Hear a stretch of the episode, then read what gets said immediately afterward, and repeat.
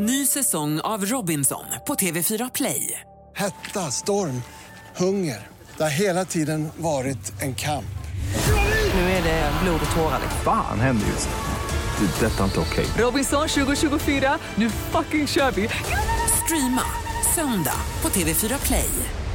Hallå där, det är jag som är Lotta Bromé och det här är ett inslag från Halv tre med Lotta Bromé på Mix Megapol. Vi ska nu prata om kriget i Ukraina som har gått in på dag 229. Eh, för några timmar sedan så eh, framträdde Putin i ett tv-tal och sa att alla de bomber och granater som har fallit över Ukraina denna förmiddag det är en hämnd för det som hände med bron eh, som sprängdes. Hugo von Essen, Utrikespolitiska institutet, är du förvånad över att det kommer en vedergällning? Nej, det är jag inte. Eh, det var ju viktigt för Putin att eh, besvara det här på något sätt. Eh, att visa den egna ryska befolkningen att, att man tar den här attacken som man ser som en attack på ryskt territorium, att man tar den på allvar och på något sätt försöka visa befolkningen att man är kapabel att försvara Ryssland och att stå upp för, för attacker mot det man påstår är ryskt territorium. Då.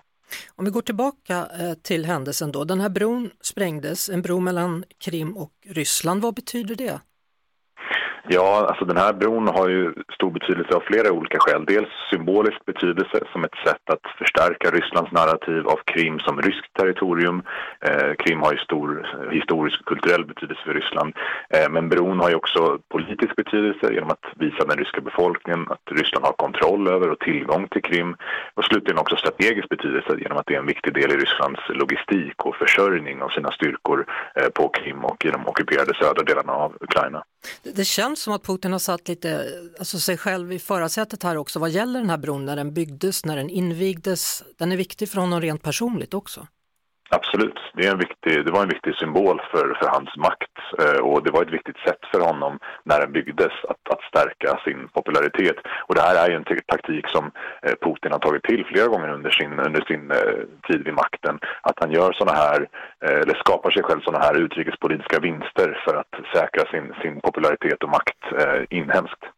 Nu talas det då om ett stort anfall, bland annat mot Kiev då med flera andra ukrainska eh, städer. Det är första gången på väldigt länge som man nu anfaller just huvudstaden Kiev.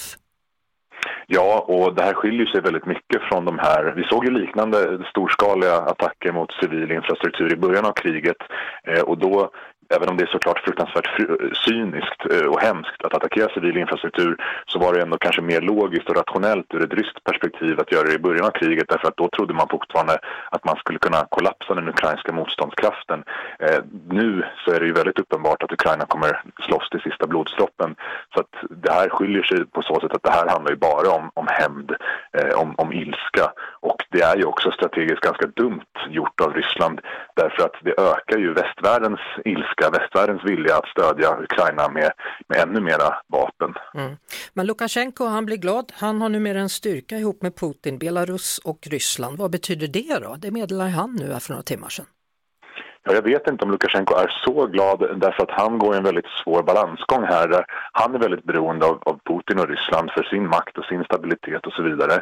Så han vågar inte riktigt gå emot Ryssland. Samtidigt så vill inte han helt bli indragen i kriget och, och alla dess negativa konsekvenser som det får. Eh, så att det behöver ju inte innebära eh, den här mobiliseringen av belarusiska styrkor eh, vid, vid Bela- Belarus södra gräns med Ukraina behöver inte innebära att Belarus kommer gå in i kriget, även om det, det kan göra det. Men jag skulle säga att det är ett väldigt riskabelt drag också av, av Lukasjenko.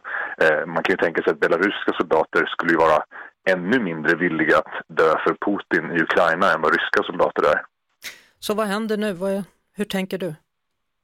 Jag tänker att Ukraina kommer ju såklart fortsätta med sin väldigt framgångsrika motoffensiv eh, och från den ryska sidan kommer man bli ännu mer desperat och fortsätta med den här eh, långa raden av, av dåliga beslut som man har tagit på sistone. Först mobiliseringen, sen den här annekteringen av ja, de här ockuperade regionerna eh, och nu de här attackerna på civil infrastruktur. Man, man kommer fortsätta att skjuta sig själv i foten från rysk sida så att säga.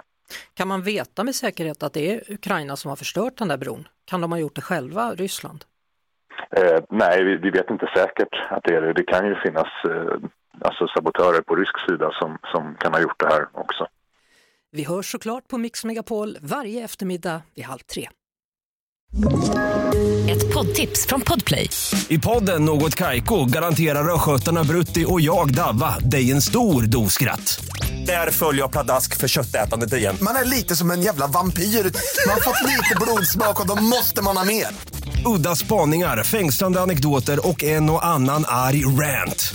Jag måste ha mitt kaffe på morgonen för annars är jag ingen trevlig människa. Då är du ingen trevlig människa, punkt. Något Kaiko, hör du på Podplay. Därför är gardinerna.